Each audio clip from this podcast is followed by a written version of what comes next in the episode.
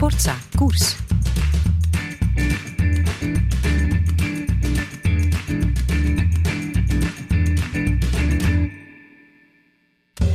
Hallo en welkom bij een nieuwe aflevering, de vijfde al van de reeks Jonge Wolven over jonge, soms piepjonge talenten van het vaderlandse wielrennen. En we hebben er nogal wat tegenwoordig. Hè? Er is een gezegde, wat goed is, kom snel. En neem nu Kian uit de broeks. Zit nog altijd maar in het zesde middelbaar. 18 jaar, won begin vorig jaar in 2020 dus met een grote voorsprong van enkele minuten Kuurne-Brussel-Kuurne.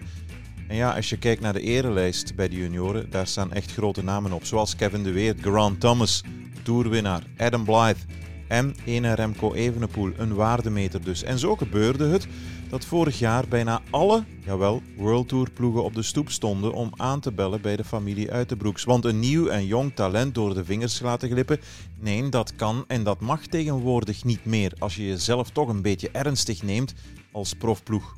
Kian koos voor Boa Hans Grohe, de ploeg van onder meer Peter Sagan. Maak kennis met een erg welbespraakte, een beleefde, een vriendelijke en een goed lakse jonge man die ook snel met de fiets kan rijden. Kian uit de Broeks.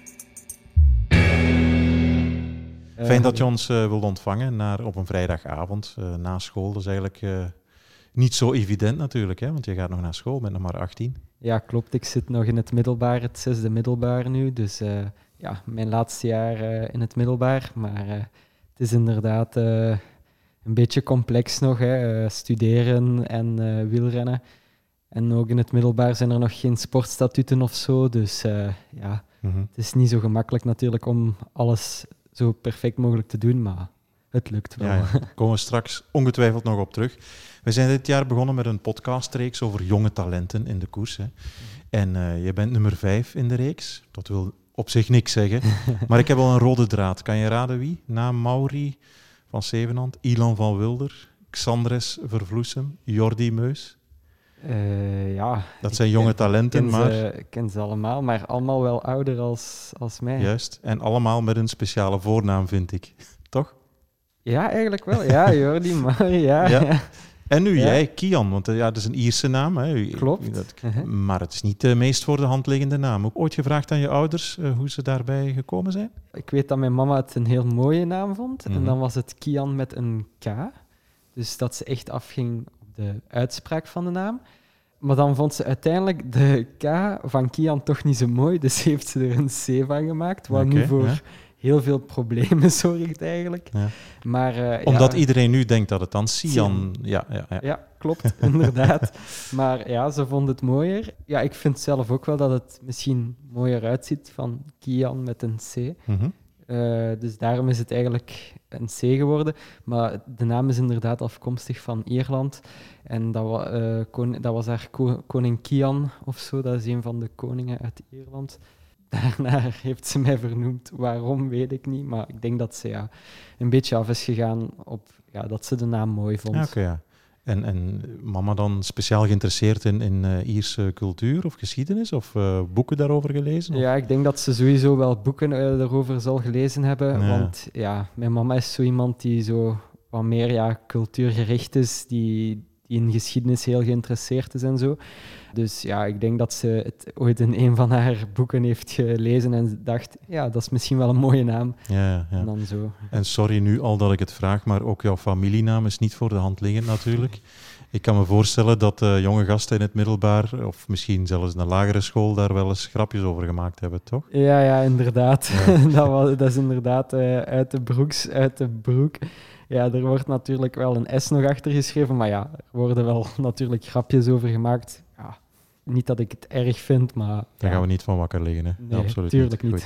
uh, even terug uh, naar je school. Wat, studeren precies in het middelbaar? Uh, dus nu studeer ik Latijn moderne talen. -hmm. Dat is wat ik nu doe. Heb ik eigenlijk heel het middelbaar gestudeerd, altijd Latijn gedaan. En ja, hierna ben ik eigenlijk nog een beetje aan het denken, maar ik ik denk in de richting van economie misschien te gaan. Maar dan uiteraard het spreiden over meerdere jaren. Ja, ja. Maar ja, de afgelopen zes jaar heb ik altijd Latijn gestudeerd. Ja. Wat eigenlijk op zich uh, een combinatie met fietsen, met koersen, uh, niet zo simpel is, denk ik. Hè? Ja, het, is, het school op zich is heel veel, is heel veel werk. En dan kan je inderdaad niet zeggen iedere dag, ik ga nu nog drie, vier uur fietsen of zo. Dat Mhm. gaat gewoon niet. En inderdaad, het klopt dat, dat eh, je als je een beetje talent hebt, natuurlijk sneller boven komt drijven met minder te doen. Eh, dus dat was zeker in mijn voordeel. Ik denk, had ik wat minder talent gehad en echt veel meer moeten trainen van het begin, ja, dan was de combinatie ja, bijna onmogelijk geweest, denk Ja, ik. Ja. Want geef ons eens een, een, een beeld bij de nieuwelingen bijvoorbeeld. Hoe vaak trainde je? Was dat alleen woensdag namiddag of was dat toch al dagelijks? Daar probeerde ik toch dagelijks iets te doen, of pak toch zes van de zeven dagen iets te doen. Maar ja, sommige dagen was het dan een uurtje, sommige dagen waren dat twee uurtjes. Ja, ja, op maandag is dat Eh, gewoon losrijden naar de koers, neem ja. ik aan. Ja. Klopt. En eh, die periode trainde ik ook bij Marcel Verbrugge, dus de papa van Rick Verbrugge. Ja, ja. En eh, die deed zijn trainingen altijd bij zijn thuis, zo in een soort van fitness. En dat was dan altijd ja, laat avonds, zeg maar. En dat kwam eigenlijk heel goed uit voor mij, want dan kon ik eerst studeren. En dan vertrok ik zeg maar, met mijn fietsje van, vanuit thuis naar, eh, naar die meneer, naar Marcel Verbrugge, eh, die dan in Helesine woonde. Ja. Dus dat was dan 40 minuutjes met de fiets en dan had ik mijn fietstraining zeg maar, gedaan. Mhm. Eh, en dan ging ik daar nog een beetje ja, met een paar andere jongens in de fitness werken. Dat deed ik dan eigenlijk in plaats van naar tv te kijken. Ja, ja. De familie eh, Verbrugge is inderdaad van Neer Heilesem. Hè? Ja. Hoe, kom je daar bij, hoe kom- kwam je bij hem eh, terecht? Eh, Als trainer zat hij ook ergens in een plaatselijke wielerclub hier in de buurt? Of, nee, eigenlijk totaal niet. Dat was mijn sportdokter van toen. Allee, de dokter die mij moest keuren zeg maar, om mijn licentie te krijgen Mhm. bij de nationale ploeg. Ja. Die heeft mij aangeraden om ja, eens met die meneer te gaan babbelen. Want ja, dat was, toen was ik aspirant eigenlijk, laatstejaars aspirant. En eh, ik had geen trainer of niks. Ja, die meneer zei, ja, misschien is het wel eens interessant om met een trainer of zo te gaan samenwerken. Nog niet te professioneel, maar om toch iemand te hebben om jou te begeleiden in het wielrennen. Want Ja. mijn ouders, zij kenden er totaal niks van, zeg maar. En dan ben ik eens daarmee gaan babbelen en zo is dat eigenlijk op gang gekomen. Ja. Ja, oké. Eens even terug naar, naar je jeugd. Heb je altijd gefietst of heb je ook andere dingen de- gedaan? Heb je ook geshot, Eh. getennist of ik zeg maar wat? Ja, voetbal heb ik nooit gespeeld, maar eh, ik heb wel aan paardrijden gedaan. Ah, ja, ja. Ja, daar heb ik... Competitie ook? Of, nee, Nee. toen nog niet. Toen, op de leeftijd dat ik het deed, was er eigenlijk voor die categorie ook nog niet echt competitie. Maar ik heb dat wel vijf jaar, vijf jaar of zo gedaan. En nu ook nog af en toe. Ja, het is iets dat mij wel aanspreekt, maar gewoon om te ontspannen, zeg maar. Niet op competitief vlak of zo. eh. ja, ja. Uh, maar paardrijden heb ik lang gedaan. En dan waar ik mij ook uh, heel lang mee bezig hield, dat is misschien een beetje grappig. ja, maar, want je begint al te lachen. Ik ben zeer Ja. nieuwsgierig wat je nu gaat zeggen. Ik had zo'n een, nee. een tractortje. Ah, een tractortje waar je zo op kan zitten en dan trappen, zoals op een fiets. Mm -hmm. Daar reed ik vroeger mee. Maar een soort van go- go-kart eigenlijk. Ja, hè? een soort ja, van go-kart. Ja. Maar op een gegeven moment werd dat tractortje te klein om op te fietsen. Dus wat ik dan deed, begon ik er te, achter te lopen. Maar ik stuurde wel. En ik plakte dat dan vol met sponsors van rallyauto's of van raceauto's.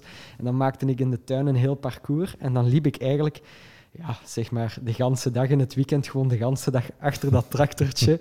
en dan uh, voelde ik mij een racepiloot of zo. Ja, okay. Dat heb ik heel veel jaren gedaan. Ja, ja. Uh, ja. ja, ik dacht bijna dat je zou gaan zeggen van het, een, een afgeschreven motor of zo van, van een grasmachine daar ingebouwd en dan... Nee, zover, nee, zover is het niet gegaan. Ik was, ja. ik was zelf de motor van Absoluut, de auto. ja, mooi, mooi. En de liefde voor, voor paarden, van waar, is, van waar kwam die eigenlijk? Is dat van thuis uit? Is dat... Ja, ik heb ja, altijd wel heel graag dieren gezien. Uh, ik ging ook altijd bij de boer hier in het dorp uh, helpen, de koeien eten geven en zo. Mm -hmm. uh, maar hier langs ons in de weide staan ook paarden. Die ging ik ook altijd verzorgen. En ja, ik ben iemand... met dieren werken, met paarden of met koeien, maakt eigenlijk niet uit. Dat brengt mij gewoon tot rust. Ja, daarom ja, wou ik ook gaan paardrijden toen. Ja, ja, dat begrijp ik. Nu, je weet, of waarschijnlijk zal het zo zijn. Bij Bora zullen ze niet al te graag horen binnenkort dat je op paarden zit. Hè? Dat, uh, nee, een profrenner die gaat skiën of paardrijden, uh, stampen, is snel gegeven, dat weet je. Ja, dat denk Goed, maar ik dat, dat, moet ik jou niet gaan uitleggen. Um, het fietsen, van waar is dan het fietsen gekomen? Want je gaf al aan zo net, hè? Ik, ik kom uit een, een niet, totaal niet wielerfamilie. Mm -hmm. Van waar, die prikkel? ja, we hadden hier dan in het dorp waar ik woon, uh, waren nog twee jongens die ook uh, aan wielrennen deden.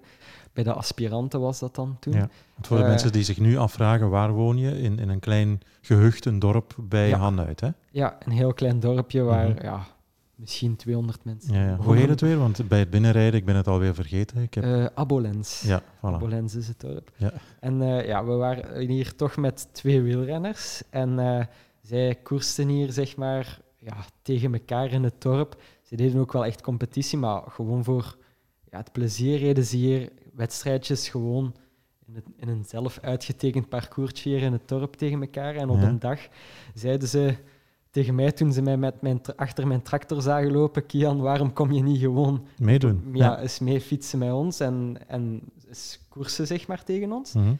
Hoe oud was je toen? 10, 12, 8? Uh... Ja, uh, 10 jaar. Ja. 10 jaar. En uh, dan ben ik dat ook gaan doen. Ik had dan een mountainbike, zeg maar. En zij hadden al een koersfiets. En dan ging ik ja, met mijn mountainbike er ja, tegen koersen. En op een gegeven moment begon ik ervan te winnen. En dan zeiden ze op een gegeven moment gewoon, ja, waarom kom je niet eens een training meedoen in, in de ploeg waar wij in zitten? Uh, en dan heb ik dat ook gedaan. Uh, mijn ouders waren daar ook eigenlijk dadelijk mee akkoord, maar hoofdzakelijk eigenlijk omdat het een Franse ploeg was. En ze dachten, ja, dan kan hij ook Frans zeg maar, op een spelende manier leren. Dus eigenlijk ja. was het meer zo van... Win-win situatie. Ja, ja. en ik wou dat absoluut doen. Dan dus... moeten we hem later al niet op de taalkamp uh, naar Spa of uh, sturen. Ja. En ja, zo is het dan. Dan kwam ik terecht bij Team Cyclisten de SB, heette die ploeg. Dat is hier een ja, Haspengouwse ja. wielerploeg, een Waalse wielerploeg. En daar ben ik dan begonnen bij de aspiranten, zeg maar. Bij de 12-jarige, ja, eind 12-jarige aspiranten ben ik daar gestart. Ja. Ben je meteen beginnen winnen? Heb je een uh, aanpassingsperiode nodig gehad? Of? Ja, bij de 12-jarige had ik maar twee wedstrijden of zo gereden. En daar won ik nog niet direct. Ik weet wel dat ik... ik uh, mijn eerste wedstrijd was ik zesde of zo. Maar ja, winnen, dat zat er nog niet in toen. Uh, en dan bij de 13-jarige aspiranten, dus eigenlijk mijn eerste seizoen. Uh, daar stond ik vooral vaak op het podium, dus derde. Heel vaak tweede was ik altijd. Ik was altijd tweede. Ja, ja. Dan heb ik één wedstrijd eens gewonnen. Maar ja, ik, ik was niet zo'n explosief type. Dus ja, meestal viel ik aan en reden we met twee of zo weg. Dan werd ja, je geklopt in de sprint. Dan werd ik geklopt in de sprint. En was dat toen door altijd dezelfde jongen die... die die we nu misschien ook nog kennen of generatiegenoot? Of? Eigenlijk vaak ja? wel, door uh, Noah de Tal. Mm -hmm. uh, Noah de Tal zit nu bij de juniorenploeg van Age de Zaire ja? en is nu ook uh, hoofdzakelijk pistier. Ja, die, die rijdt ook wel nog altijd heel goed. Wanneer heb jij um, als, als, als kind, zeg maar, als jeugdrennertje, voor het eerst gevoeld, ja, hier zit iets in, ik heb talent. Was dat toen meteen al, als aspirant van 13 jaar? Of is dat bij Nee. de nieuwelingen pas gekomen? Of? Toen dacht ik daar totaal nog niet aan. Want ik dacht ook, ja, toen zat het ook nog niet in mijn hoofd, hoofd of zo van ik wil hier ooit mijn beroep van maken of zo. Ik was mij gewoon zeg maar, aan het amuseren op, die, op dat moment. Mhm. En dan bij de eerstejaars nieuwelingen begon ik in ene keer tegen de tweedejaars zeg maar, nog niet te winnen, maar toch al tweede en zo te worden in grote koersen. En toen dacht ik wel van oké, okay, misschien zit er iets van potentieel. Maar ja, dan was het zo van misschien kan ik ooit prof worden. Ja, want je Eh, weet ook, je zal aan de lijve hebben ondervonden, ook zelfs al bij de nieuwelingen, van het ogenblik dat je succesvol bent, ja, mensen komen meteen naar je toe in dit Ja. en dat. En, en juniorenploegen zijn ook al heel goed gestructureerd. Eh, Klopt. waarschijnlijk zal het team van eh, Logistics ook aan je mouw hebben getrokken. Je Klopt. hebt voor Balen BC gekozen. Mhm. Dus ja, daar is ook al een strijd. Dat moet je gevoeld hebben, toch? Ja, ja. eh, eigenlijk na mijn eerstejaars bij de nieuwelingen was er inderdaad al een, een hele grote strijd van alle juniorenploegen dan, Voilà, de Belgische juniorenploegen. Eh, maar toen heb ik eigenlijk besloten om gewoon nog in de, de ploeg waar ik toen zat, dat was Sprint 2000 in Charleroi, waar ook eh Sébastien Grignard, die nu prof is bij Bij Lotto, Lotto. Ja. ja, voor heeft gereden altijd. En ik voelde mij daar gewoon goed. Eh, dus ik dacht, ja, bij de nieuwelingen is het ook nog niet dat een programma zo heel belangrijk is. Mijn ploeg reed ook mooie wedstrijden in Frankrijk en zo, in de bergen. Dus ja, dan dacht ik, waarom zou ik veranderen als ik uh, mij hier goed voel? Dus dan ben ik het als tweedejaars nieuweling eigenlijk daar nog gebleven. En heb ik dan ook een heel mooi seizoen daar kunnen doen. Ben ik mm Belgisch kampioen en zo ja. geworden. En daarna natuurlijk, ja, bij de junioren wordt een programma en een structuur in een ploeg veel belangrijker. En dan heb ik, ja, stonden alle ploegen er terug. Ja. Uh, dus van juniorenploeg dan. En dan heb ik voor Agro Tormans gekozen. Ja, ja. Balen BC eigenlijk, hè? zo zijn ja, ze bekend. Balen BC, ja. Die ook wel een heel goede opleiding uh, al, al daarvoor bekend staan natuurlijk. Hè? Ja. En, en Philipsen, noem maar op. Uh, mannen hebben daar allemaal gezeten natuurlijk. Waarom koos je voor hen? Ja, ze hadden een heel mooi programma. Dat was het eerste ding. Als je naar alle andere jeugdploegen kijken, kijkt, is een programma gewoon top. Heel internationaal ook. Uh, koersen in Portugal, in Spanje, in Frankrijk, in Duitsland, overal waar je maar wil. Hun structuur is ook top. Uh, ze hebben heel veel verzorgers. Het is eigenlijk al, ja, voor een junior is het al een, een soort van topbelofteploeg, ja, zeg maar. Qua Zeer professioneel, ja. ja.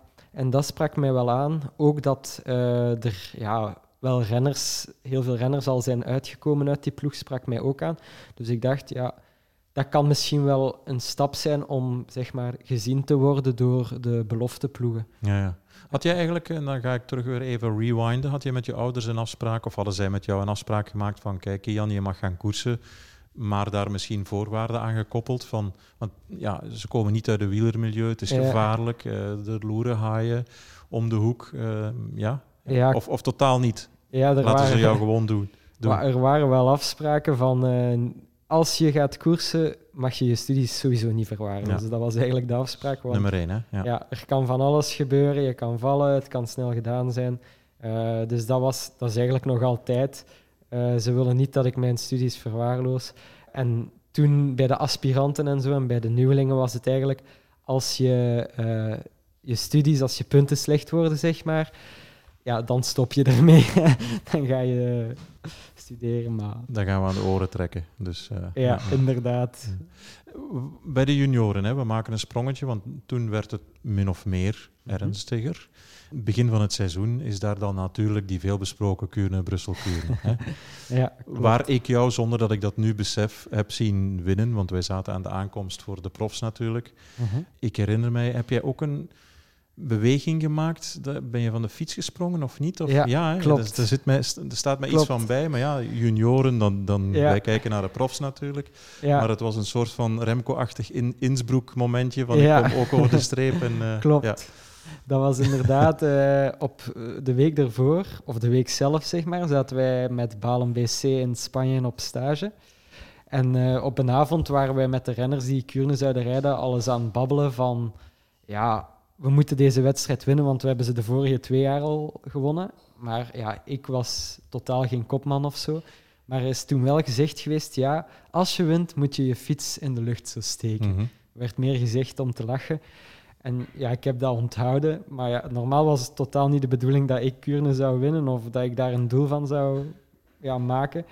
Maar toen eh, in de laatste kilometer schoot mij dat te binnen van ja, dat hebben ze toen gezegd dat je je fiets in de lucht moest steken. Dus dan heb ik dat ook gedaan. Totaal niet de bedoeling, zeg je, maar ja, toch met hoeveel was het? Vier minuten? Vijf minuten? Ja, dat kan. ik weet het zelf niet. nee, maar ja, hoe, hoe, is dat verlopen eigenlijk? Want als het totaal niet de bedoeling is en uh, je, je degradeert de tegenstand, leg dat eens uit. Ja, uh, ik kwam ook de nacht op voorhand nog terug van die stage in Spanje, ah, ja. met het vliegtuig. Helemaal uitgerust dus. Ja, ik was echt ja, in, de, in topvorm. nog goed getraind de week ervoor, zeg maar, in Spanje. Ja, goed moe. Ja. maar ik dacht, ja, ik wil Kuurne rijden, omdat het is een klassieker ik wil uh, zoveel mogelijk ervaring opdoen. Dus wat de uitslag ook is, uh, ik wil over kassei leren rijden en van die dingen. Dus daarom dacht ik sowieso Kuurne te rijden. En op een gegeven moment zat ik uh, in de kopgroep en ik voelde mij goed. Het was nog 50 kilometer of zo. En toen dacht ik, ja, we gaan eens proberen. En als het mislukt, ja, dan mislukt het. En als het lukt, ja, des te beter. Ja. Maar ja, het was eigenlijk gewoon een wedstrijd die ik wou rijden voor ervaring op te doen. Ja. ja, want als je kijkt naar die erelijst bij de junioren, een Grant Thomas staat daar ook op. Dat is wel uh, het een en het ander, hè? Ja, dat heb ik daarna ook gezien. Dat, dan vond ik het wel echt leuk dat ik daar tussen kon staan. Mm -hmm. ja. Hoe, ja, coronajaar vorig jaar, 2020, uiteraard. Dat is voor de profs erg geweest, maar die hebben nog vijf, zes geweldige weken gehad vanaf augustus, zeg maar. Jij hebt, denk ik, in totaal een koers of zes gereden? Ja, zoiets, inderdaad. Dat uh, komt wel veel harder binnen natuurlijk. Dat is wel een veel groter manco, hè? Ja, klopt. Uh, ik heb Kuurne gereden, daarna was alles afgelast. Mm -hmm. En dan was het inderdaad, wanneer start de competitie terug op? Uh, een zwart, zwart moment voor ons. Ja, er werd altijd terug een nieuwe deadline gezet van 1 mei, 1 juni. Die werd altijd terug verplaatst. Dus het was gewoon focussen eigenlijk al op volgend jaar in mijn hoofd. En hopen... Hoe moeilijk is dat geweest eigenlijk? Ja. Ja. Want je blijft trainen en ja. ja maar inderdaad. waarvoor eigenlijk? Het, het, het uh, zwaarste is dat, dat het altijd terug opnieuw wordt afgelast. Dat er altijd een, bijvoorbeeld het BK tijdrijden werd altijd verplaatst, maar daarna ook weer afgelast. En dat is mentaal heel zwaar. En wat ik dan gewoon in mijn hoofd heb proberen te doen, is zeggen, ja, er komen geen wedstrijden meer dit jaar. Focus je gewoon op trainingen. Mijn geluk was dat ik heel graag trainde. Ja, het stoorde mij totaal niet om een paar uurtjes op de fiets of zo te zitten. En de competitie, ja, is, het is leuk als het erbij komt, maar ja, ik vond het ook niet, niet dramatisch, zeg maar, dat, dat er geen competitie was uiteindelijk. Maar het was vooral vervelend dat je uiteindelijk dan terug naar een doel probeerde toe te werken. Mhm. Dat dan werd verplaatst, hè, zoals inderdaad dat BK-tijdrijden. Maar dat ja, werd dan altijd weer geannuleerd en dat was mentaal wel. Ja, ja absoluut. Altijd opbouwen naar Ja. iets en dan iets dat van je werd afgenomen. Ja. Hoe ben je dan blijven trainen op een, zeg maar, ja, een, een medium niveau? Of heb je op training ook af en toe proberen wedstrijden te simuleren om dat lichaam toch te stimuleren? Of hoe heb je dat Eh, aangepakt? Nee, we zijn eh, eigenlijk op een gewoon niveau eh, blijven trainen. Ik trainde toen bij Mark Lamberts. En we hebben toen ook gezegd, ja, De trainer van onder meer eh, Roglic, Van Aert. Ja. Ja, klopt. En eh, wat ons doel toen was, was kijken hoe ver ik kan geraken op gebied van rondrenner, zeg maar. Eh, dus die capaciteiten een beetje ontwikkelen. Eh, en dat hebben we dan ook gedaan. We zijn niet echt wedstrijden gaan simuleren, maar we hebben eh, uithoudingstrainingen wat gedaan, eh, wat VO2 max prikkeltjes en zo beginnen toedienen. Ook de jaren ervoor, toen ik bij Marcel Verbrugge trainde, was dat er totaal nog niet. Dus eigenlijk was het wel een periode waar ik zeg maar, de basis van de training, van ja, hoe je hoort te trainen, zeg maar, kon aanleren. ja. Wanneer heeft een eerste profploeg jou het hof gemaakt? Ja, Is dat na Kuurne geweest? Is dat al bij de nieuwelingen geweest? Wanneer, vraag ik me af. Ja, Jumbo-Visma stond er eh, eigenlijk al voor Kuurne. Die zijn het eerste hier geweest. Ja, ja. En dan daarna kwam Sunweb. En dat was dan eerst zeg maar nog van ja, belofte eerst en dan prof. Eh, maar dan eigenlijk vanaf dat eh, ja, de coronaperiode zo'n beetje is begonnen, rond mei en zo. Toen begonnen in één keer ja, die profploegen ook allemaal te komen. Quickstep was er dan, Bora begon wou contact, de Emiraten enzovoort. ja. En ja, dan... Dus Jumbo-Visma eigenlijk al, laat ons zeggen, de winter van 2019, Ja. 2020? Ja, klopt. Maar omdat je toen al zat met de trainer van Jumbo, Ik- met Mark Lambert. Ja, dat klopt. Ik Ja. eh, zat toen ehm, vanaf ja, een paar maanden ervoor bij Mark Lamberts. Ik Mhm. heb daar dan ook inspanningstesten moeten doen. Eh, ja, Dus eigenlijk op het einde van je nieuwelingenperiode ben je met Mark Lamberts beginnen Klopt. trainen. Ja. klopt. En, eh, die heeft dan via de inspanningstest of testen gezien van Ja, oei, hier hebben we iets speciaals in handen. ja En klopt. dan heeft hij natuurlijk Richard Plugge, Zeeman getipt. Zo, zo is het gegaan? Ja, ik denk dat het zo inderdaad Ah, ja. eh, is gelopen. Ja, ja, want anders kan je eigenlijk moeilijk verklaren dat zij al bij jou aan de deur stonden voor eh Kuurne natuurlijk, hè, voor die klopt. beruchte overwinning. Ja. Ja. En Sunweb is dan eigenlijk iets erna gekomen. Maar zij zeiden eigenlijk dat ze vooral op basis kwamen van inderdaad de nieuwelingen. Want zij hadden totaal geen, ja, geen informatie van inspanningstesten of zo. Eh, dus zij kwamen echt op basis van resultaten bij de nieuwelingen. Ja, ja. En wanneer ben je dan op stage mee in Italië geweest met de, de koning? Eh, dat was in de zomer. Dat is tijdens de zomer, ja. ja. Ja, klopt. In Livigno was dat, hè? nee, nee, dat was San Pellegrino. Ah ja, ook Italië. Maar Ja, goed, ik zal een klein beetje... Ja, voilà, Ja. dat. En daarover las ik dat jouw trainer dat eigenlijk niet zo'n goed idee vond, maar jij zei, ik ga dat toch doen. Ja, klopt. Mark Lamberts was Ja? daar eh, niet zo happy over, zeg Ja. maar. Omdat hij zei Maar ook- niet, niet, op trainings, niet omwille van trainingstechnische redenen, maar misschien ergens omwille van concurrentie. Of, eh, Ja, ik denk uiteraard. ja, hij werkt bij Jumbo-Visma, Ja, dan kan hij moeilijk... Ja, nee, quickstep nee, doe maar. Ik, eh, ik gooi jou in de schoot van de van- Fevre. Klopt. Ik denk dat dat klopt wel. Daar zal wel iets aan ja, Mhm. hebben gelegen. Ja, ja. Eh, natuurlijk, wat ook ja, heel logisch is. Hè. Ja, ja. Ehm, en eh, ja, ga er nog eens. Dat is logisch dat ik die vraag stel natuurlijk. Maar dus er waren vier kapers op de kust. Hè? Jumbo, Quickstep was ook eh, heel geïnteresseerd. Eh, Sunweb uiteraard met de jeugdopleiding waarvoor ze bekend zijn. En dan Bora. Ja, en, ja, er waren er nog eigenlijk. Nog, ja? Ja, we Ja, hadden de Ja. Emiraten waren er ook, met Mhm. Machin. Maar die boden misschien wat weinig geld. Nee, flauw. Ja. Eh, Israël was er uiteraard met Rick Verbrugge. Dan hadden we Movistar, Arkea, Groupama FDG, eh AG Desert. Ja, ze waren er eigenlijk bijna... Allemaal, ja. Ja, En Lotto? Lotto heb ik, eh, daar heb ik met de belofte ploeg, met Kurt van de Wouwer gesproken. Oké, ja, ja. En hoe ver zijn zij gegaan? Ik stel nog extra die vraag, omdat ja, Lotto Soudal vaak, of ja, vaker de laatste jaren de vraag krijgt dat ze jong Belgisch talent door de vingers laten glippen. Ja, zij, maar zij waren eigenlijk al redelijk laat. Op het moment dat Lotto eigenlijk kwam, zaten we eigenlijk al in een finale, Bespreking. ja, finale bespreking. Was, dat was eigenlijk op het einde van vorig seizoen. En toen hadden we eigenlijk al een soort van selectie tussen drie ploegen gemaakt. Wat toen eh, Sunweb, nu Team DSM, eh, Israël en Bora was. Oké, oké. Israël ook. Ja. En, en wat waren de goede kaarten die eh, Israël op tafel legde? Ja, bij Israël was het eigenlijk leuk dat ik met Rick Verbrugge eh, kon samenwerken, met- ja, die ik goed kende. Ja, van de papa, zeg maar, hè, van Mhm. Marcel Ver- Verbrugge. Ja. Ja, zij, zij hebben ook wel een mooie structuur. Hij gaat ook hier een soort van trainingscentrum in België bouwen, wat aan Israël zou verbonden worden en zo. Eh, en ook met Froome, die dan naar de ploeg kwam, waar ik dan veel van zou leren. dat, Mhm. waren, dat waren eigenlijk de positieve kaarten Ja, ja. van... Nog een jongeling. Ja,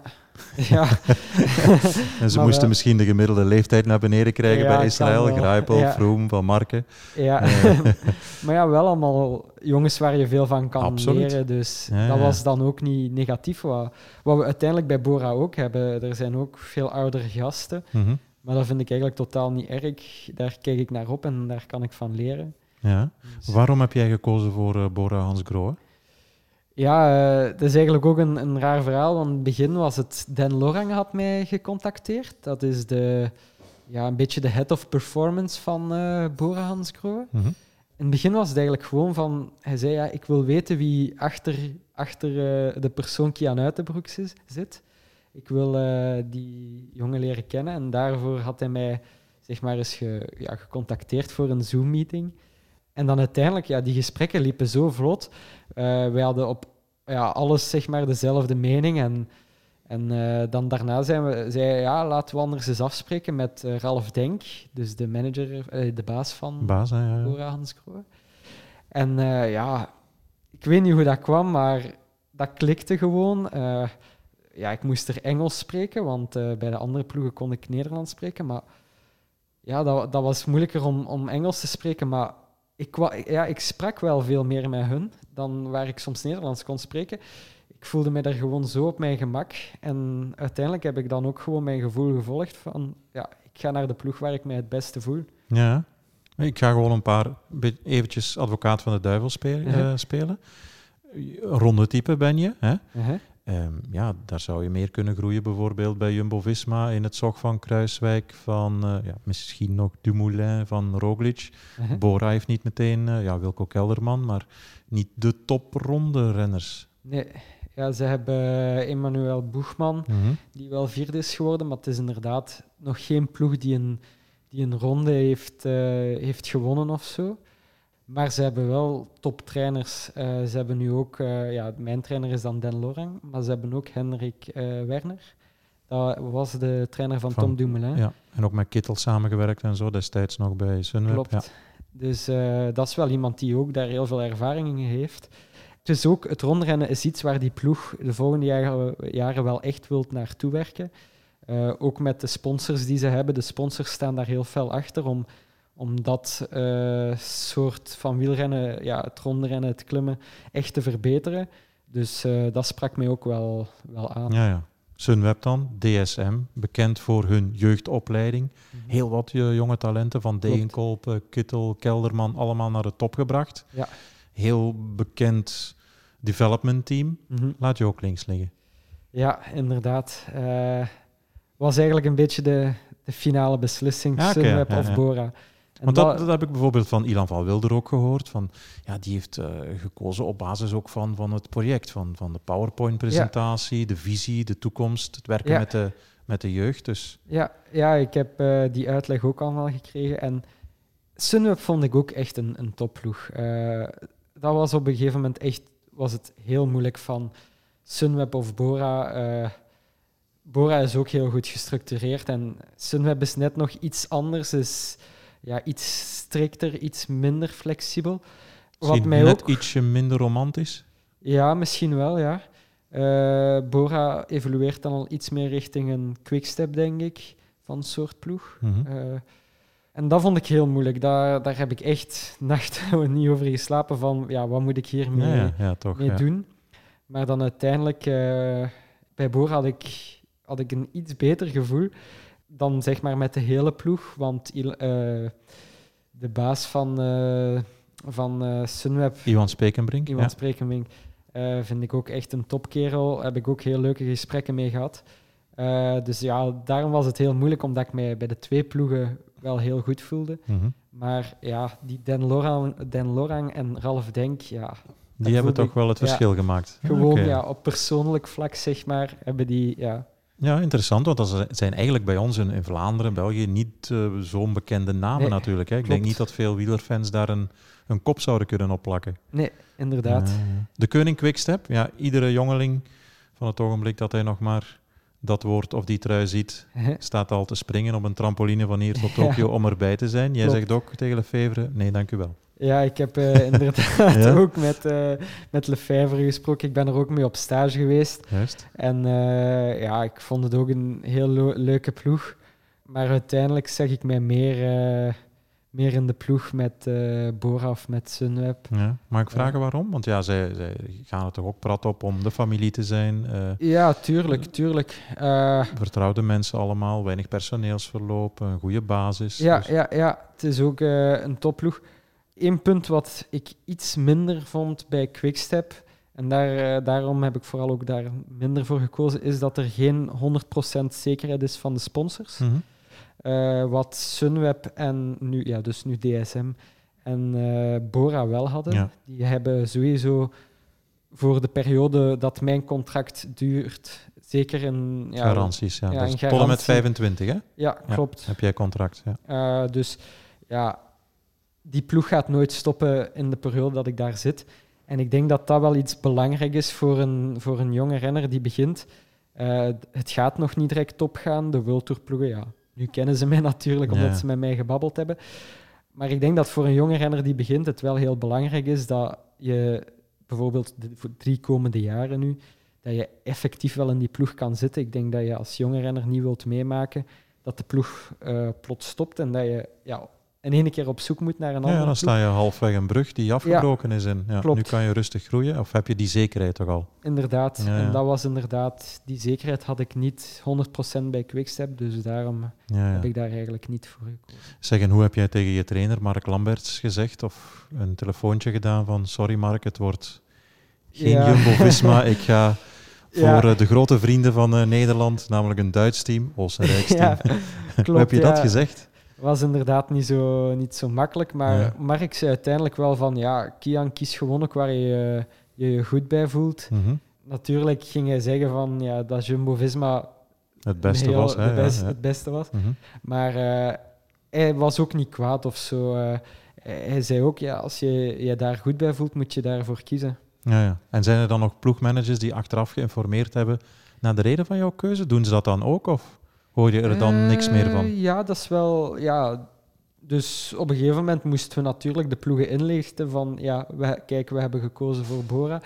En dan vragen ze ook wel een beetje, beetje waarom. En ik weet ook, Sunweb was, was heel ontgoocheld daarin, wat ja, misschien wel logisch is, want als je met al die ploegen, ik, we hebben er allemaal persoonlijk mee gesproken. Je kan het door een manager laten doen, maar wij hebben totaal geen manager gebruikt. We hebben het persoonlijk En als je gedaan. spreekt over wij, de, jij en papa dan? Of, ik en, uh, en mijn twee ouders, we hebben dat mm -hmm. persoonlijk gedaan. En het probleem is natuurlijk, als je het persoonlijk doet, bouw je ook een soort band op met die mensen. En dan maakt het daarna wel iets moeilijker om dan te zeggen van, ja, we kiezen voor iemand anders. Maar uiteindelijk is dat door iedereen ja, heel goed uh, geaccepteerd geweest. Ook door Balen BC bijvoorbeeld. Want ja, Balen BC wist ook, als ik voor Bora kies, ga ik er dit jaar al weg om voor de juniorenploeg van Bora te kiezen. Ja, ja. Maar zij hebben dat eigenlijk ook heel positief Goed, uh, opgepakt. Op, opgevat, en, ja. ja. Oké. Okay. En een vraag die mij nu plots te binnen schiet, omdat je zegt van wij hebben de onderhandelingen als gezin gedaan met de ploegen. Uh -huh. Jullie komen niet uit de wielerwereld. Klopt. Um, hebben jullie zich geïnformeerd over, over de salarissen, de lonen? Of, of hoe is dat gegaan? Want ja, dan zit je plots met misschien wel een, wat jij dat niet weet, een gehaaide manager aan tafel. En dan moet je wel ja. op hetzelfde niveau zitten. Of ze hebben je. Ja, ja, uh, ja we, hadden een, we hebben heel veel managers hier gehad, maar we hebben daar niet voor gekozen. Ja, uiteindelijk heb ik het dan met mijn ouders gedaan. Zij wisten er inderdaad niks van. En op, ja, op gebied van salaris, uiteindelijk, die ploegen, ze wouden mij. Dus ja, wat ze gaven was dan ook correct. En in de beginjaren is dat ook niet het essentiële. Het essentiële was, uh, wat is een project, wat is een ja, opleiding. Ja, tuurlijk, tuurlijk, ja. Uh, dus ja, we hadden ook geen manager nodig om te zeggen van, ja, we willen meer geld of zo. Dat totaal niet. Mm -hmm. Het was vooral naar het sportieve plaatje kijken, om dat dan te weten, want ja, zij kennen natuurlijk ook niks van van sport kon ik natuurlijk wel eens aan Mark Lamberts of zo, of aan Carlo Bomans bijvoorbeeld, mijn uh, bondscoach. Ja. Uh, dan kon ik daar wel eens mee overleggen. Of Erwin Konings, dat is ook iemand die bij de nationale ploeg werkt. Dat is daar een soort, soort van performance coach. Daar heb ik ook veel mee overlegd van, ja, wat, denk, jij van, wat ja, denk ja. jij van die ploeg? Mm -hmm. En uh, ja, dan zeg maar, mijn ouders hebben alle twee rechten gestudeerd, dus dan op contractueel vlak nee, nee, is er geen vuiltje aan de lucht. Uh, was voilà, dat dan ja. wel weer handig. Ja, absoluut. zeg, maar waarom sla je nu die belofte categorie over? Ja, dat was inderdaad ook een moeilijke beslissing. Bij Sunweb had ik dat wel nog kunnen doen. Had ik kunnen zeggen, ja, ik stap na twee maanden over, of ik stap na een, een half jaar over, dan kon ik, of ik, of ik ga direct naar de profs als ik als ik mij goed voel, dan had ik inderdaad die tussenstap. Ja, ja. Bij Bora hadden we gewoon geen, uh, geen belofteploeg. Dus moest ik direct naar de profs gaan. Uh, bij een andere ploeg zoals Movistar was dat identiek geweest. Maar uiteindelijk, het is niet omdat het een World Tour ploeg is dat ze alleen maar World Tour wedstrijden rijden van het hoogste niveau. Nee, nee dat is waar. Ja. Ze rijden ook kleinere wedstrijden. Uh, en die zal ik ook in het begin dan betwisten. Het is niet dat ik daar een heel World-Tour-programma direct ga afwerken. En het leuke is dat je dan eigenlijk gewoon de kleinere wedstrijden kan opdoen, uh, kan rijden om ja, je misschien eens te laten zien of zo, of eens iets te proberen. En dan in de World Tour wedstrijden kan je dan een soort, je kan je meer gaan helpen, ervaring opdoen, kijken hoe, wat er allemaal gebeurt in zo'n wedstrijd. Dus je kan eigenlijk van de twee soorten wedstrijden proeven. En je zit al in een profploeg, dus je, je hebt al de structuur van een profploeg. Uh, je kan met de profs babbelen, je kent ze allemaal. Ja, het wordt een, al een soort van je thuis, zeg maar, van het begin. Ja. Wat wel moeilijker was, was ook dan het studeren. Ja, als je bij de belofte zou rijden, zou dat iets makkelijker dan zeg maar nog lopen, want het is nog niet je beroep. Uh, maar uiteindelijk dacht ik ook, stel dat je na één of twee jaar prof wordt, dan moet je toch je aan dat ritme aanpassen. Dus waarom dan niet trekken eigenlijk. En Ja. ik voelde mij gewoon het beste bij Bora, dus dan zei ik, ja, belofte ploeg of niet, dan ga ik gewoon voor die ploeg. Ja, ja. Zeg maar, dus vorig jaar de junioren, een, een zestal koersen. Oké, Kuurne springt daaruit. Mhm. De nieuwelingen, heel goed gepresteerd. Maar waarom staan dan, of hebben al die plofploegen bij jou in de rij gestaan? Want je zou kunnen zeggen, ook advocaat van de duivel, ja, als Mhm. je vergelijkt met een Remco, die had, eh bij Ja. manier van spreken, duizend koersen gewonnen en dat Ja. zag iedereen. Heeft gewoon al die plofploegen in jouw geval op basis van je testen dan Ja, ik denk... Zo wilt omgesprongen met wij moeten hem hebben. Ja, ik denk een deel van de ploeg heeft... Ja? ze hebben inderdaad mijn testen gezien en die waren dan heel goed. En daardoor kwamen ook heel veel ploegen. Ik denk op een gegeven moment, als, als dat een beetje rondgaat in, in het profpeloton van uh, tussen die sportdirecteurs en die trainers, van ja, dat is wel een goede renner of zo, mhm. die heeft hoge waardes. Ja, dan worden ze wel allemaal geïnteresseerd. En dan op gebied van, ja, want het wil natuurlijk niet zeggen dat als je hoge waardes hebt, dat je, dat je een koers kan nee, winnen. Nee, absoluut. Ja, dat maar is uiteindelijk iets anders, had ik dan Kuurne ook gewonnen. Dus dat gaf dan wel een soort van bevestiging van oké, hij kan ook wel een koers winnen.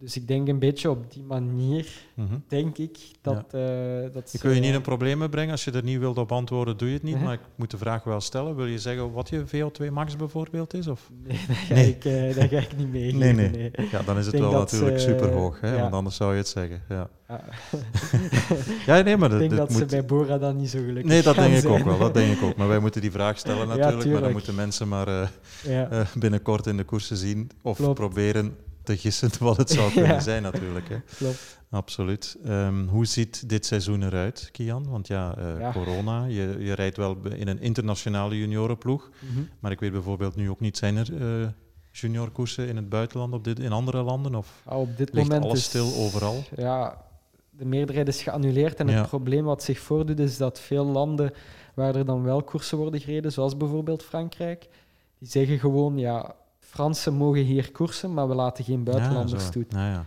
dat wordt nu ook vaak gedaan, omdat ze dan ja, natuurlijk besmetting willen tegengaan, mm wat logisch is. Uh, dus daarom is het moeilijk om, om nu ook in het buitenland zeg maar, te koersen. En in België is alles gewoon geannuleerd tot en met 18 april ja. ten vroegste. Inderdaad, ja. Dus uh, ja, hopelijk is het vanaf dan terug koers. Maar eerlijk gezegd, ik, ik, ik focus mij niet op die datum. Nee, want, nee, nee, nee uh, want de uh, denken aan de zomer zou eigenlijk ja, al zeer optimistisch zijn, zijn, inderdaad. Klopt. Ja, ja. Je gaat op stage met de grote jongens van Bora natuurlijk. En ik denk dat die vraag al tig keer zal gesteld zijn. Ja, hoe was dat? Ja, dat was fantastisch. Want iedereen vraagt dan natuurlijk aan tafel zitten met Sagan, maar er zijn nog wel andere mannen. ik bedoel, wanneer ik toevallig vorig jaar in Sanremo of in Milaan in de lift sta met Daniel Os, ja. dan denk ik ook van, uh, waar is die gitaar? Want dadelijk ja. gaat hij hier een Jimi Hendrix-achtige solo uit zijn... Hè, dat is wel iemand die ons zag in boezemtoe zijn lange haren. inderdaad. Je bent 18, staat dan tussen die mannen ja, uh, in het Italiaans. Ja, hoe gaat dat? Ja, klopt. Uh, ik kwam daaraan. ja, je hebt Sagan, je hebt heel veel Duitsers, je hebt Italianen, je hebt Oostenrijkers, je hebt één, één Belg, ja, Jordi, Meus. Ja, ja. Uh, Kelderman, kan je ook nog een Kelderman, beetje in de eigen taal meepraten? Dus ik kwam eigenlijk al aan op de luchthaven met uh, Jordi en met uh, Wilco. Mm -hmm. Dus dat was al positief. Dan kon ik toch al in het Nederlands zeg maar, beginnen. En daarna kwam ik inderdaad in het hotel aan met alle andere ploegmaten eigenlijk werd ik daar direct heel goed op uh, opgepakt, ook op training. Die gasten waren allemaal heel vriendelijk tegen mij, die spraken met mij, uh, die pakten mij direct op in de groep. Uh, ja, want jij hebt ook nog eens een boegman, een schachman. Ja, tuurlijk. mannen die, die geweldig presteren ja. in de Tour. Dus Akkerman, ja, ja hallo. Ja, daar wist ik ook in het begin ook niet echt op van hoe moet je tegen die gasten reageren. Uh, maar eigenlijk begonnen die allemaal van, van zichzelf zeg maar, tegen mij ook te babbelen. Dus uh, ik werd daar gewoon ja, zeg maar, opgepakt als een van hun dadelijk. Wat dan ook wel heel geruststellend was voor mij. En uh, mij op mijn gemak stelde. En natuurlijk, op trainingen keek ze dan natuurlijk ook wel van... Kan die jongen hier volgen of, of kan hij totaal niks? En als ze dan zagen dat ik ja, wel kon volgen, zeg maar... Ja, dan, dan aanvaarden ze ook okay. dat, ja. dat, dat, je meer rijdt. Ik denk als je elke, elke kilometer zou lossen, dan ja, zit je wel in een andere situatie. Maar uh, ja. ja. Maar jij ging gewoon hetzelfde tempo mee, maar dan veel korter, vermoed ik. Als zij 160 gingen doen of 140, dan draaide jij af na? Ja, ja 120 of zo. Ja, toch. Ja, ja, dus... Het was vooral, ja, het hing af van hoeveel uur. Uh, ja, ja. Dus het was eigenlijk het laatste uurtje dat je meestal niet meer ja, meeging. of laatste twee uurtjes. Want ik weet dat sommige renners soms wel acht uur dan ja, gingen ja, ja. rijden, dan ging ik geen zes uur of zo trainen. Voilà, voilà, ja. Dus wat we dan hoofdzakelijk deden, was dat, uh, dat we een grote lus deden, die ik meedeed. En daarna ging de rest van de groep nog een stuk verder rijden en ik stopte dan aan het hotel. Ja, ja. En je zegt heel bescheiden, het was meer rijden, ik kon een tempo aan. Was het alleen maar dat of was het meer dan dat? hebben ze je getest? Want meestal gaat dat zo wel op trainingskampen. Dan wordt iedereen eens getest. Ja, er is... Ja, we hebben eigenlijk onze trainingen gewoon echt professioneel uitgevoerd. Mm maar op een gegeven moment hebben we wel een soort koers naar boven op een berg dan eens gereden op, uh, op een duurtraining, wat eigenlijk niet de bedoeling was. En dan weet ik nog dat Schachman daar wegreed met Rudy Schillinger. Dan kwamen we, ja, kwam ik toch zeg maar met die, met die twee... Allez, we, we, we, reden dan echt wel koers tegen elkaar en ik kon ik ze ook volgen en zo. Ja, ja. Dus, Jij kwam met die twee mannen boven. Ja, maar ja, ik wist ook niet echt van wat moest ik, moet ik doen. Moet ik volgen, moet ik... Ja, niet, je had ze eraf kunnen rijden. Ja, misschien, ja, dat weet ik niet. Ja. misschien, ja, dat kan, hè. ja. Hopelijk kan ik dat in, in, een wedstrijd ooit eens doen. Maar ja, ik zei ook, ja, als zij aanvallen, dan, vallen, dan, dan rijd ik ook mee. mee. Ja, ja, ja. ik ook mee. Het ging, het ging geruststellend goed, naar het ons daar. Laat, het, ja, daar toen je s'avonds in bed lag, dacht je van ja. Oké, ik heb een goede beslissing genomen. Ja, inderdaad. Want ja, ehm, wat doet dat met een jongen van 18?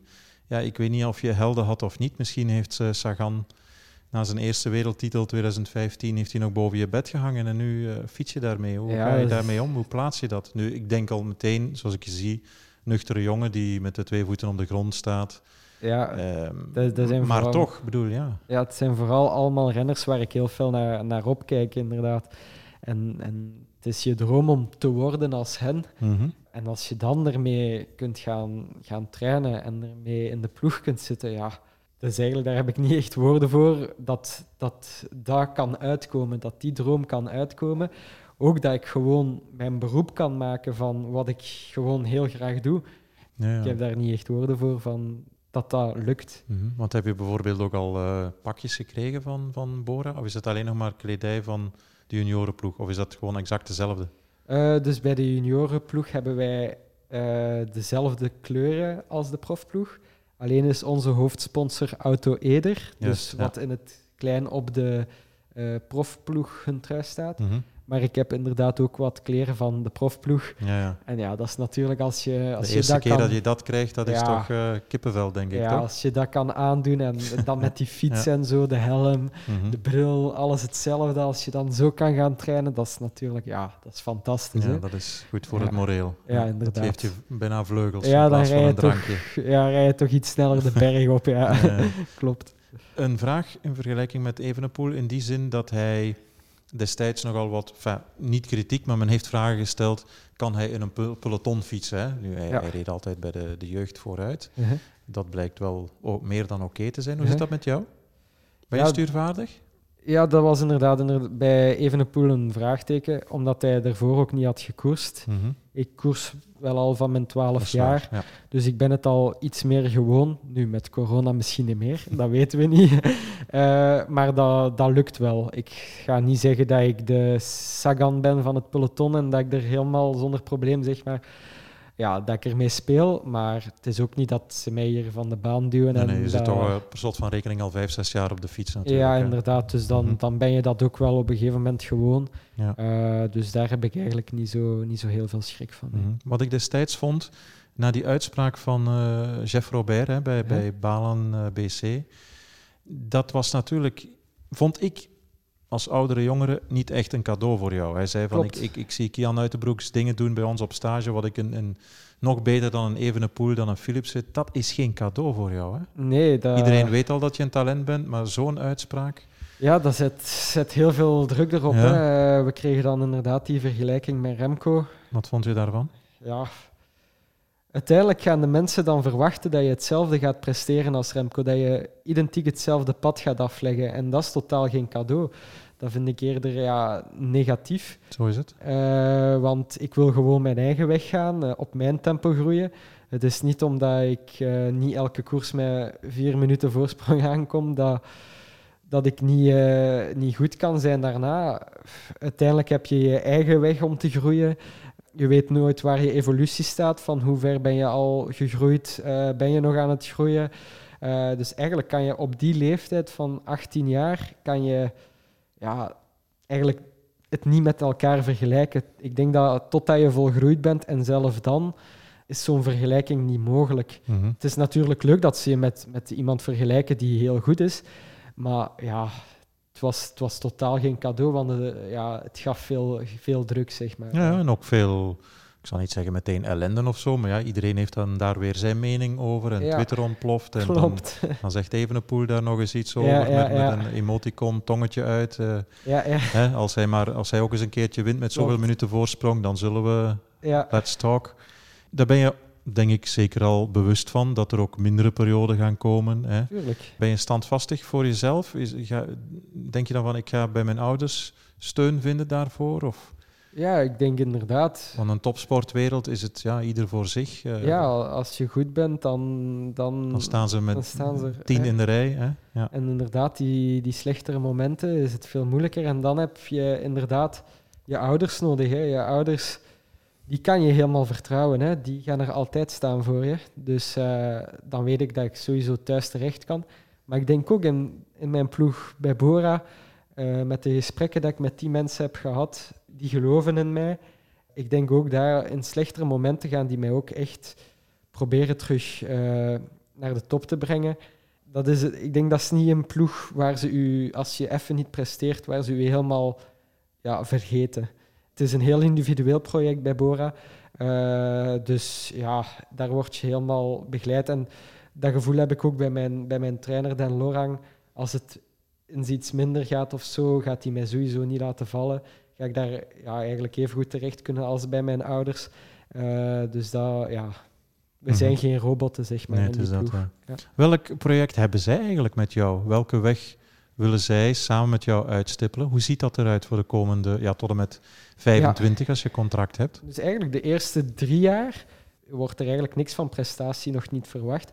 Mag natuurlijk, Ja, eh, maar dat is zeker niet de bedoeling dat ik, eh, dat ik direct alles moet winnen, à la Evenepoel of zo. ja. Dus tot en Eh, met je 1, 1 is het... Ja, het is eigenlijk een soort groeien. van beloftecategorie dat zij ervan willen maken. Eh, gewoon groeien, ontwikkelen. Als het sneller gaat, gaan we het ook niet tegenhouden, Mhm. zeggen ze. Maar als jij drie jaar nodig hebt, gaan we het ook niet forceren. Eh, het is gewoon ontwikkelen. En eigenlijk is het dan vanaf na die drie jaar, dan kunnen we misschien beginnen, zeg maar, met, ja, moest ik het talent hebben, of moest ik dan op niveau zijn, Ja, ja. eh, het grotere werk. Dus het is echt een lange termijnvisie. Het is niet eh, op korte termijn dat ze mij willen forceren. Mhm. of zo. En voor jezelf, wat, stel dat je, en, en we gaan jou zeker niet vastpinnen op, op die gedachte, maar ja, jonge mannen dromen. Stel dat je 34 bent en je kijkt terug, wat zou je willen bereikt hebben? Of wat, wat zijn de wielerdromen eigenlijk? Ja, als we dan echt mogen dromen, dan is het eh, een prestatie leveren in een grote ronde. Mhm. Mijn droom is ja, zo in, in de Tour de France of zo, is voor het generaal klassement kunnen gaan. De ultieme droom is uiteraard Ja. de Tour de France of Zo ooit winnen. Want dat heeft uiteindelijk ieder Ja. klein kind vroeger in de straat gedaan, hè? Tour de France gespeeld. Tuur, tuurlijk. Dus eh, dat is dan de ultieme droom. Is dat realistisch? Dat kunnen we nu nog niet zeggen. Misschien totaal niet. Eh, dat zal de volgende jaren moeten blijken. Maar als ik echt een wedstrijd mag kiezen, dan is het ja, ooit in Parijs in de gele trui staan of zo. ja.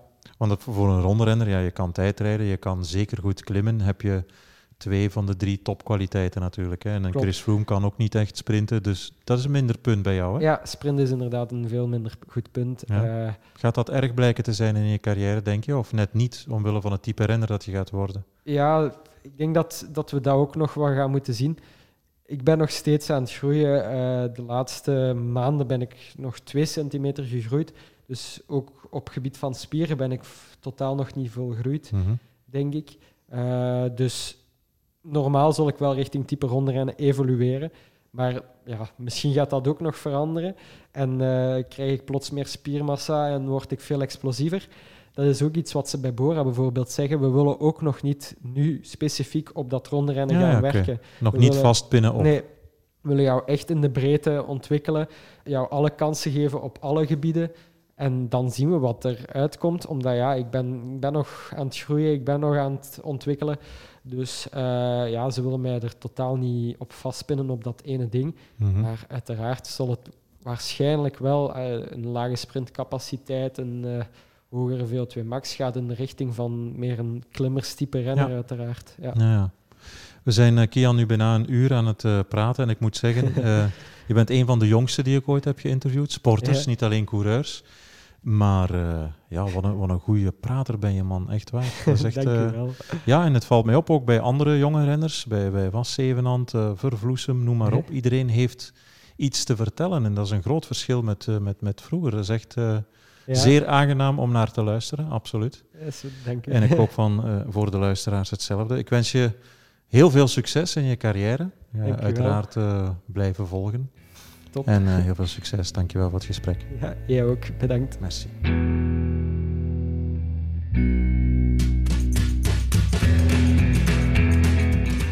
Afgelopen weekend, de zondag na Milaan-San Remo, heeft Uitenbroeks meteen zijn eerste koers van het seizoen gewonnen in Oostenrijk. Solo binnengekomen.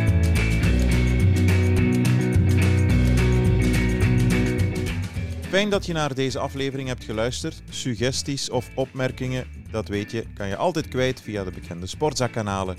Heel graag tot een volgende.